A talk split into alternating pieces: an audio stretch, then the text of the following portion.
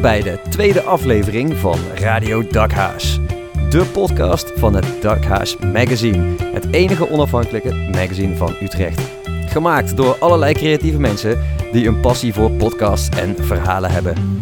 Ik ben Ties Timmers en ik heb de eer jullie deze keer te vertellen wat we gaan doen. Het thema van de Dakhaas is Dat mag niet. Want er zit heel veel verscholen in de dingen die niet mogen. Onze normen en waarden, wat we echt belangrijk vinden, maar ook spanning en plezier. Zometeen hoor je een interview met iemand die twee vriendinnen heeft, iets wat bij heel veel mensen niet mag. En een reportage met de vraag: wat mag er nou echt niet in de mode?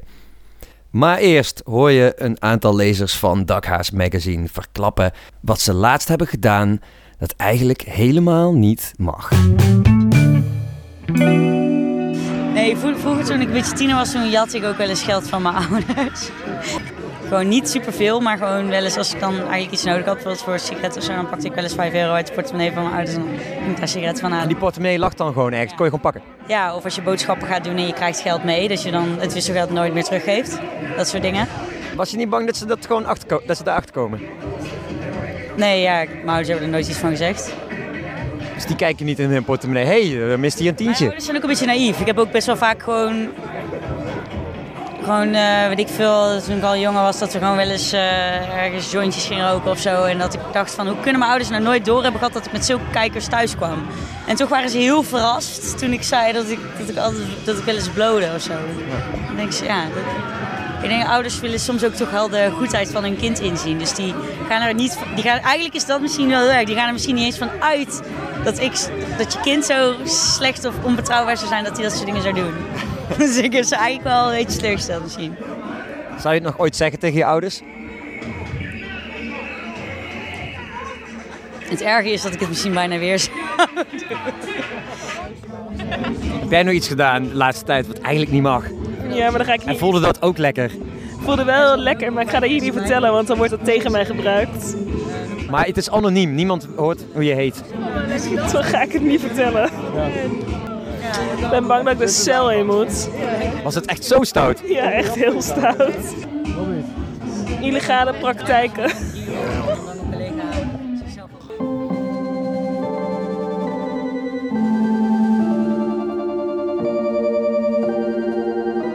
Ja, je kunt natuurlijk heel veel dingen stiekem doen.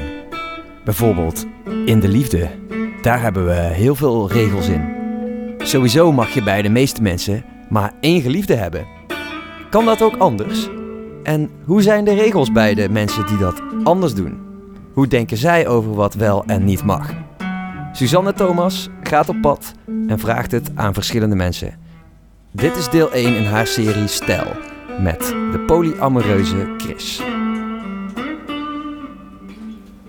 In deze eerste aflevering van Stijl praat ik met Chris. Hij vond in zijn monogame huwelijk de ruimte om polyamorie te onderzoeken. Een gesprek met één deel van dit stel over liefde, lust, aandacht en de ander. Ik ben getrouwd met Esther al elf, nee niet elf jaar getrouwd, acht jaar getrouwd, elf jaar samen. En sinds ruim een jaar heb ik nog een, een vriendin erbij en anderhalf jaar heeft Esther nog een tweede partner erbij. Dus wij zijn, zoals dat heel mooi heet, polyamoreus op het moment. Ja. Ja. Het is niet ter sprake gekomen. Het is eigenlijk gewoon gebeurd. Omdat Esther die kwam op een gegeven moment, die was naar een, een weekend geweest en daar was zijn man tegengekomen. Uh, en dat was een heel spiritueel weekend. Het ging heel erg over spirituele ontwikkeling. En ja, die maakte gewoon heel erg veel bij haar los. En, um, en gelukkig hebben Esther en ik wel heel erg in openheid geïnvesteerd. Dus ze kwam thuis en ze vertelde mij dit gewoon. En, uh, en ook met de vraag van, ja, eigenlijk zou ik dat willen onderzoeken, maar niet los van jou.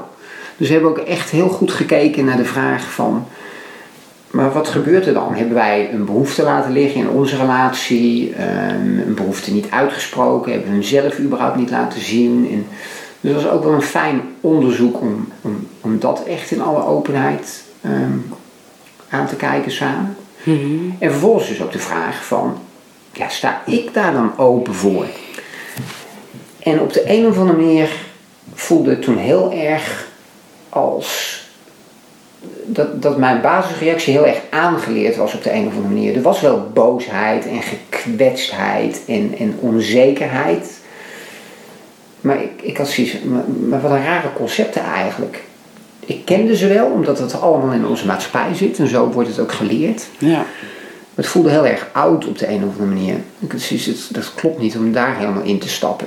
Dit is iets wat zij doet, maar ze doet het niet om mij te kwetsen of omdat wij iets hebben laten liggen. Ze willen het ook samen eigenlijk onderzoeken. Dus ik had zoiets, ja, als dat andere zo oud voelt, dan moet ik dus een nieuw pad bewandelen. En dat ken ik helemaal niet. Nee. En, ehm, maar goed, laten we dat dan maar gaan doen. En dat vond ik wel rete spannend. Ja. Ehm, en het was ook fijn om wel te delen van... Er is een deel in mij wat boos is en tegen jou zou willen zeggen van... Oh, ga maar naar je moeder en eh, ga er maar zes weken zitten om af te koelen. En, eh, maar ik merkte dat dat dus een reactie was die iets... Die zorgde voor iets wat ik niet wilde. Namelijk dat, Esther, dat ik Esther wegstuurde. Ja. Ehm, en dan zou ik er kwijt zijn. Ja. Misschien na zes weken wel weer terug. Ehm, maar waarom zou. Wat, wat triggert dan die reactie in mij? En dat gaat over een plek in mij, die gaat over gekwetstheid of bang zijn of wat dan ook. Nou ja, door dat aan te kijken en te zeggen: ja, wacht even, dat klopt niet. Dat heb ik aan te kijken, maar dat kan ik ook doen terwijl je er bent. Dan hoef ik je niet voor weg te sturen. Dus zodoende heb ik gezegd: nou, laten we dat gaan onderzoeken samen. Kom je daar, hoe ga je dan daar doorheen? Ja, dat, dat, en dat heeft ook veel te maken. Ik, ik doe veel aan meditatie. Ehm, en, en er zit ook wel een boeddhistisch deel in mij wat, wat heel erg geprikkeld wordt. En daarin heb ik heel erg geleerd dat jij kan iets tegen mij zeggen. Dat raakt vervolgens iets in mij. Maar vervolgens daarna heb ik nog steeds de keuze om daar zelf op te kunnen reageren. En ik heb heel erg geïnvesteerd in die ruimte. Dus in, in die ruimte kon ik zien dat Esther wel thuis kwam met het verhaal van... hé, hey, er is een andere man in mijn leven. Ik had meteen door kunnen schieten, Ja. dat ja. raakt me. En meteen alle emoties er achteraan kunnen uiten. Alleen door die ruimte te zien en, en, en te ervaren zelf... en die ook te, te pakken...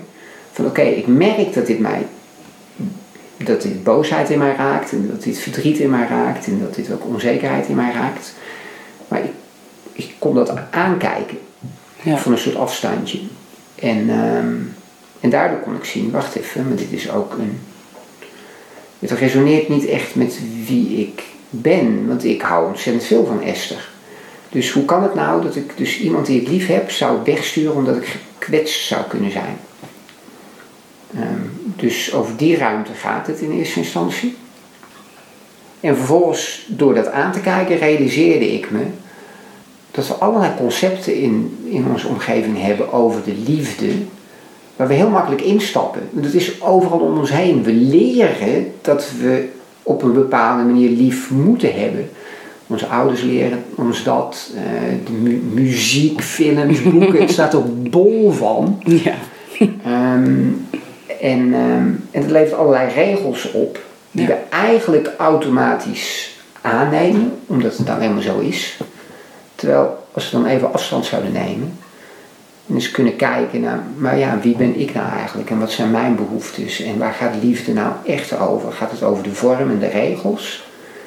Of gaat het over iets anders? Iets veel ruimhartigers? Nou, uiteindelijk levert dat natuurlijk eigenlijk ook heel snel die vraag op: oh, mag, mag ik dat dan ook? Maar als ik, als ik van haar hou en zij van mij, mogen we dan in die ruimte ook elkaars behoeftes delen en aankijken, ook al zijn die anders? En daar ontstond nu plotseling ruimte voor. Want daarvoor zaten we eigenlijk een beetje in dat, ja, we zijn getrouwd, we zijn monogaam, en we hebben, het was geen punt en we hadden het er ook niet over. En dan denk je daar eigenlijk ook niet zo over na. En nu lag dus plotseling die vraag bij mij van, hé, hey, mag ik dit ook? Wil ik dit ook? En die laatste vond ik inderdaad belangrijk.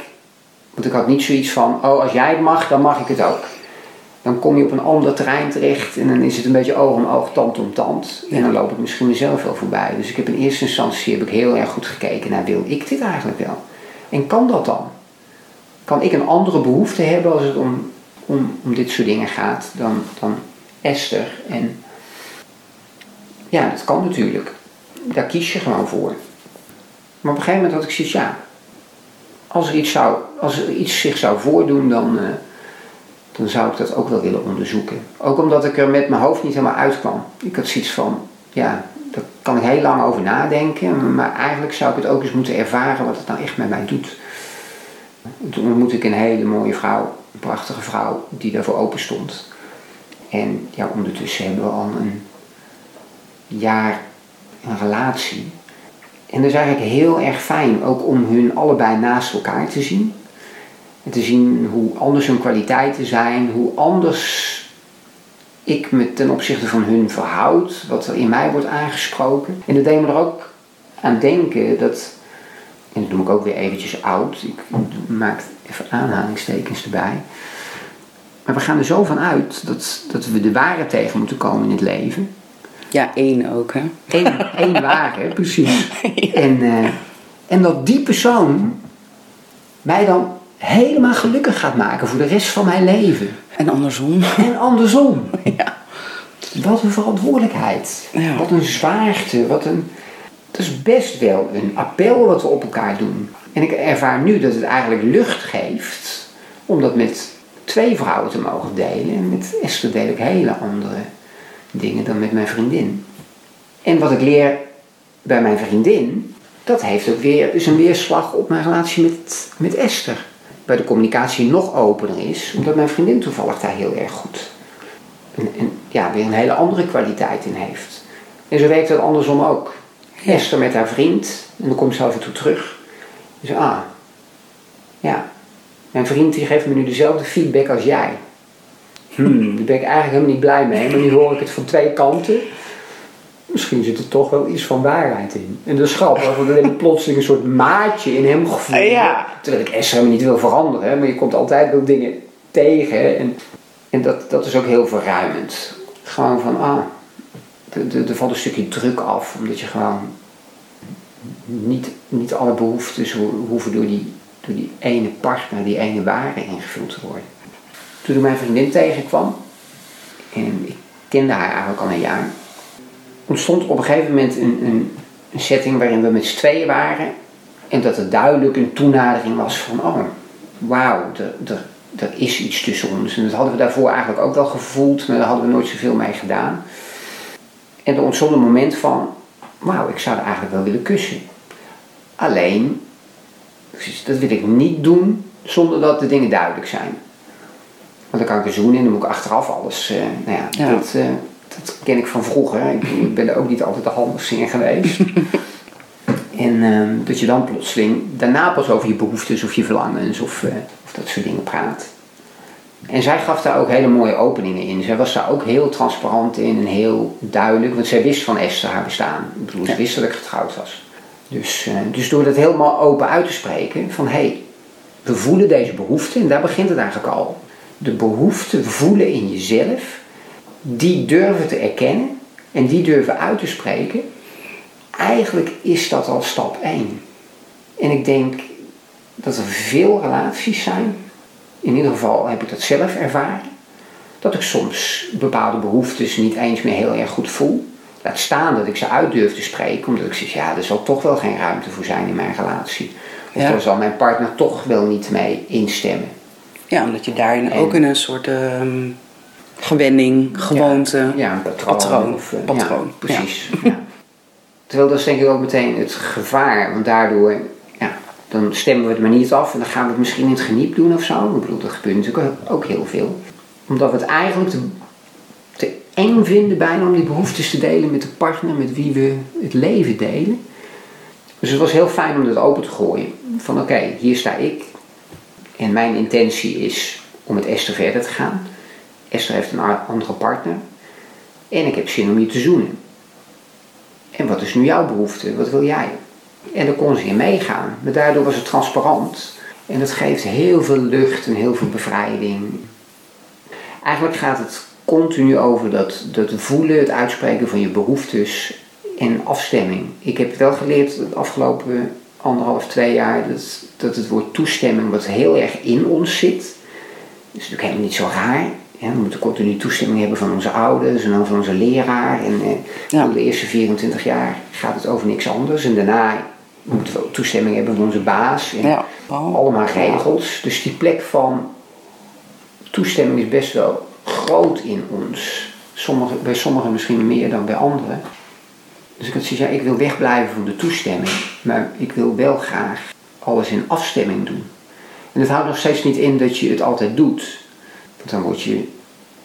Ja, dan zou ik iets te veel een, een, een kille egoïst worden. Van oké, dit zijn mijn behoeftes, ik deel ze aan jou mee. Ja. En dan, eh, Ja, dat- nee, precies. Maar dat is ook niet afstemmen. Dat is ook geen afstemming. Nee, dat is meer Nee. mededelen Ja, inderdaad. En ik hoorde onlangs een verhaal van een man die had blijkbaar tegen zijn vrouw gezegd: Oh, ik merk dat ik polyamoreus ben en vanaf nu zijn wij polyamoreus. Oh, Punt. oké. En, ja. Geen discussie. En hij had een andere relatie en zij niet. En, maar dat was einde discussie. En dan heb ik zoiets, ja, wacht even.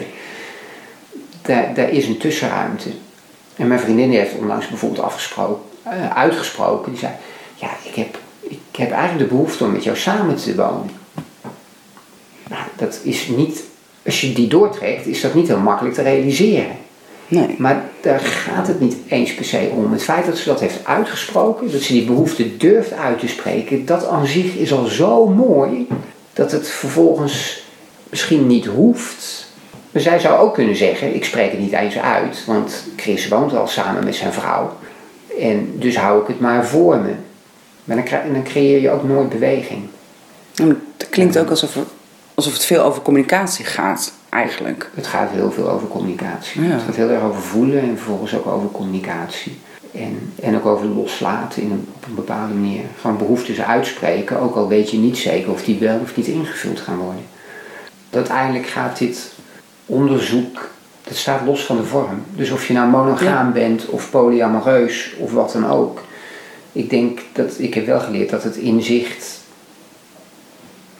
mij in al- alles, in al die situaties zou kunnen helpen. Ja. Dus, dus door met Esther onze relatie open te gooien, heb ik veel meer contact met mezelf, durf ik veel meer naar mezelf te kijken, eh, naar mijn behoeftes en durf ik mezelf ook nog makkelijker uit te spreken. Dus ik dacht dat wij heel open waren en ik dacht, jee, maar daar is nog een overtreffende trap van. Eh, en een belangrijk woord daarin is ook wel aandacht.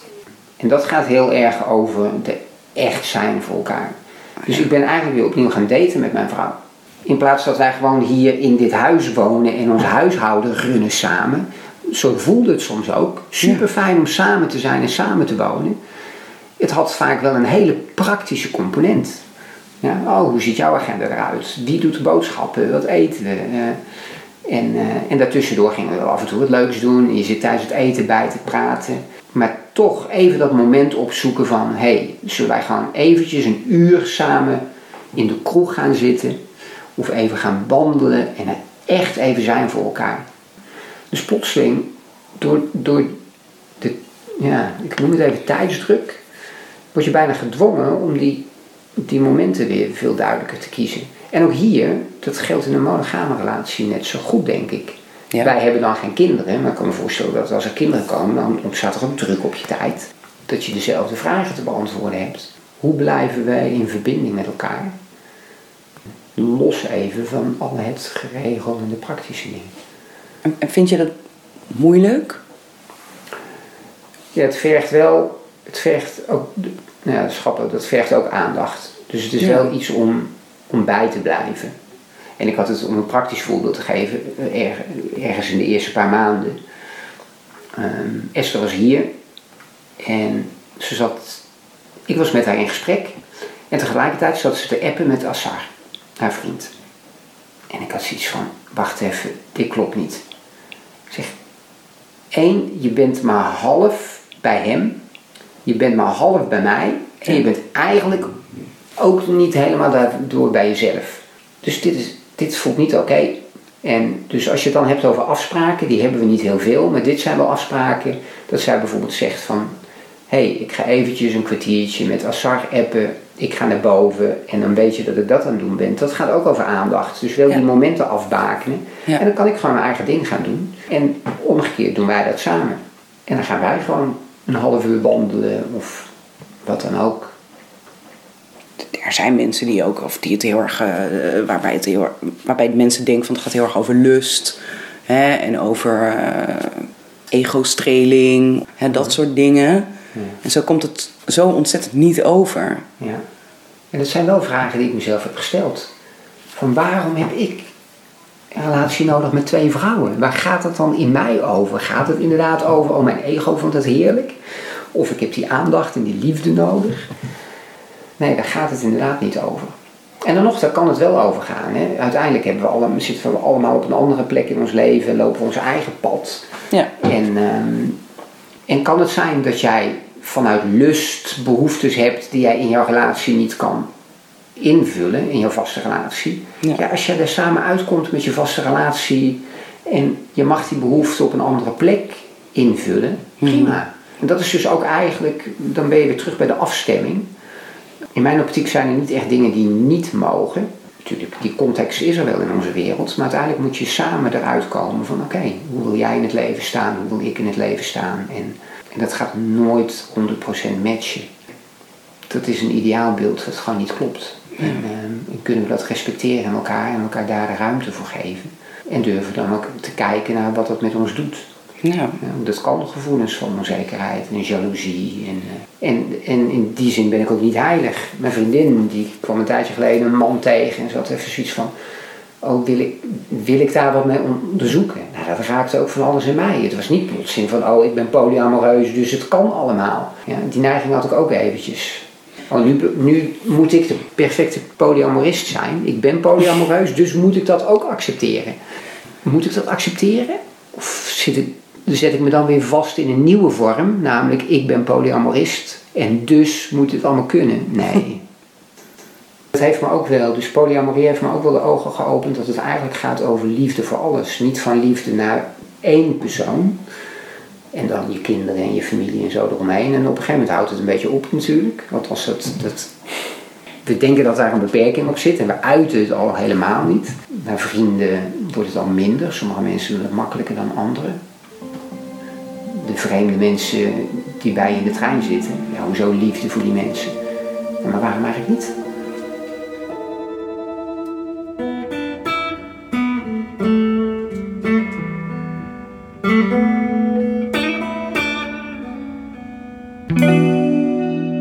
Heb jij de laatste tijd iets gedaan wat eigenlijk niet mag? Ze, wil, ze woont al heel lang nu. Oh, ik doe alleen maar dingen die niet mogen. Tenminste. Weet je, er mogen, er mogen heel veel dingen niet, zoals bijvoorbeeld roken. Zo ja. Of eh, drugs gebruiken. Of eh, langer in bed liggen dan eigenlijk goed voor je is. Dat mag ook allemaal niet, maar dat doe ik toch. Ja, dus ik doe best wel veel dingen die misschien niet mogen. Maar Klinkt allemaal nog wel vrij braaf. het is vrij braaf, hè? Ja, maar echt Voor iemand die heel veel dingen doet die niet mogen. Ja. Ja, dus eigenlijk is, is jouw vraag, die beantwoord ik met een wedervraag. Wat mag niet, Ties? Goeie vraag. Ja. Misschien mag alles wel. Ja, de actie is... Ik denk dat heel veel mag. Weet je, mijn levensovertuiging is dat ik graag dingen doe. En, ook dingen die buiten misschien de grenzen gaan van anderen. Maar ik probeer daar wel zo weinig mogelijk andere mensen bij te hinderen. Dat is wel wat ik, wat ik probeer te doen. Dat is een beetje de vuistregel. Alles mag als je maar niemand meer lastig valt. Ja, probeer ik zo weinig mogelijk mensen, andere mensen lastig te vallen. En dat lukt niet altijd, en dat weet ik ook wel. En doe ik het lekker stiekem toch. Maar nee, dat vind ik wel, eh, ja, dat geeft voor mij wel een goed gevoel. Dat ik andere mensen niet echt hinder of zo. Dat, ja, dat. Wanneer hinder je iemand en wanneer niet? We hebben overal regels, maar heel vaak zijn die regels ongeschreven en onzichtbaar. En moet je ze maar met gezond verstand kunnen aflezen. Zoals in de mode bijvoorbeeld. En dat valt niet mee. Daar zijn we ons hier bij de Dakhaas erg van bewust. Daarom deze handreiking, een reportage van Annette Looijstein met de vraag: wat kan nou echt niet meer in de mode? 1, 2, 3, 4, 5, 6, 13, 14, 15, 16, 17, 18, 19 en 20. Dit zijn de hoeveelheid broeken in mijn kledingkast. Nieuwe broeken kopen is dus echt niet nodig. En daarom besloot ik begin dit jaar te stoppen met het kopen van nieuwe kleding. Want de kledingindustrie is een van de meest vervuilende industrieën die er is. En we weten allemaal ook wel dat de werkomstandigheden in de kledingfabrieken vaak niet goed zijn en ver onder de maat. En gelukkig zijn er steeds meer mensen en bedrijven bezig met het verbeteren en verduurzamen van dit proces. Maar het kan nog veel beter. En daarom trek ik erop uit naar het Fair Fashion Festival op het Janskerkhof om te horen wat echt niet meer kan in modeland. Hi, ik ben uh, Judith. Ik ben uh, mede-eigenaar van uh, Zen by Zen Yoga Wear. Ik ben Erik de Groot van Iron Roots en wij maken duurzame sportkleding. Ja, ik ben Sanne van den Dungen. Ik ben hoofd R&D bij Honest. Dat is een ja, nieuw spijkerbroekenmerk. Hi, wij zijn Anne en Ulrika van Fair Friday. Wij hebben een blog over eerlijke en duurzame mode. En wat vind jij dat echt niet meer kan in de mode-industrie? Eigenlijk uh, de hoeveelheid plastic die wordt gebruikt. Uh, plastic is best wel nodig voor een aantal, uh, aantal zaken, zoals bijvoorbeeld medische apparatuur. Maar je ziet dat het zoveel wordt gebruikt in kleding en ook nog verwacht wordt dat het steeds meer gaat gebruiken. En eigenlijk is dat onnodig en vinden wij dat het niet, uh, niet hoort. Echt niet meer kan is gewoon echt de, de fast fashion, de grote ketens. Waarvan je weet dat, er, dat het veel te goedkoop is voor hoe de kleding eruit ziet. Wordt, nee, er, zit gewoon echt een. dat kan gewoon echt niet meer. Wat niet meer kan zijn uh, rivets. Dus als je bijvoorbeeld kijkt naar spijkerbroeken, dan zit daar vaak een, uh, een soort nagel, een soort uh, metalen knopje bij, bij je broekzak. die zijn er ooit ingekomen met een, met een goed doel vanwege de goudzoekers in Amerika. Maar wij zijn tegenwoordig geen goudzoekers meer, meer, dus we hebben ze niet nodig. En ze belemmeren heel erg de recycling van spijkerbroeken. Dus dat betekent dat er dus kleine metalen onderdelen ook vast kunnen komen te zitten in de machine machines of zelfs de machines kapot kunnen maken. En daardoor is eigenlijk de vervezeling en de recycling van spijkerbroeken wordt daardoor lastiger. Ja, wat kan nou echt niet meer? Ik denk dat je niet meer bewust nadenkt over wat je koopt. Dat kan niet meer. Ja, dat je net doet alsof jouw aankoop dat, er, dat het geen invloed heeft op anderen. Want andere mensen hebben jouw kledingstuk wel in elkaar gezet. En hoe wordt dat gedaan? Nou, heel vaak wordt het niet echt onder goede arbeidsomstandigheden gedaan. Wordt er gebruik gemaakt van methoden die schadelijk zijn voor zowel mens als omgeving. En um, ja, ook al gebeurt dat ver van je bed en zie je dat zelf niet, het is wel realiteit. En dat moet anders, denken wij. Uh, en iets anders wat ik niet, uh, niet meer vind wat, moet kunnen is uh, polyester waslabels. Dus dat zijn vaak ook die labels die sowieso in je, in je broek heel erg vervelend kunnen zitten. Maar het is van zo'n dusdanig ander materiaal dat ook deze materialen de recyclingstroom eigenlijk vervuilen. Dus wat wij doen is we, we printen het gewoon of we zeefdrukken het op de binnenzak. waardoor je toch nog steeds kan zien hoe je hem moet wassen. Maar waardoor die niet een probleem vormt in de recycling. Hoe kijk jij naar mode of wat moeten wij doen? Willen wij zeg maar verstandig mode kopen? Van, van duurzame merken natuurlijk kopen. Daarnaast ook altijd bedenken, als je iets gaat kopen, uh, ga ik dit 30 keer dragen? Uh, want er worden zoveel kledingstukken weggegooid uh, die gewoon nauwelijks gedragen worden. denk, doe daar veel bewuster over. Dus wat je aanschaft qua kwaliteit en waar het vandaan komt, maar ook hoe vaak je het zelf gaat dragen. En dat bewust of denk niet per se dus dat je meteen helemaal verandert, maar dat je erover nadenkt en dat je ja. denkt welke kleine stap kan ik nu doen. Dus bijvoorbeeld tweedehands kopen of uh, uh, minder kopen. Je merkt dat er steeds meer aandacht komt voor duurzaamheid. En ik hoop dat uh, de, de, de, grote ketens het over gaan nemen van de, van de kleine bedrijven. Dat die ook betere afspraken maken, beter betalen en alles veiliger maken. Ja. ja. En wat is nu de conclusie? Ja, dat is nog best moeilijk te omschrijven, vind ik, want er zijn heel veel nuances te vinden. Maar een paar dingen weten we wel zeker. Slechte arbeidsomstandigheden, onnodig materiaal in kleding waardoor deze niet goed recyclebaar meer is, kleding die je maar één keer draagt en zomaar dingen kopen van grote fast fashion ketens. Dat kan dus echt niet meer. Dat was hem dan, de tweede aflevering van Radio Dakhaas. Met ontboezemingen van Dakhaas-lezers die ik verzameld heb op de lancering van het laatste Dakhaas magazine. Je luisterde ook naar de eerste aflevering van Stel van Suzanne Thomas en de reportage van Annette Looijstein over de ethiek van de mode. Deze aflevering werd verder gemaakt door Stijn Verkammen, Elja Looijstein en de geweldige muziek van de Utrechtse band Carpets, die speciaal voor ons deze jingles maakten. Ga ze checken op Facebook en Instagram en volg dan ook meteen de dakhaas. Voor de Soundcloud-luisteraars, dit is een podcast, dus je kunt je gewoon abonneren op je telefoon met de podcast-app. En dan krijg je gratis en voor niets de nieuwe afleveringen vanzelf op je telefoon. Wil je met ons meedoen? Dat vinden wij heel erg tof, want we zijn altijd op zoek naar nieuwsgierige makers die iets geks willen maken. En je hoeft daar helemaal geen professional voor te zijn, want alles mag natuurlijk bij ons. Tot de volgende keer.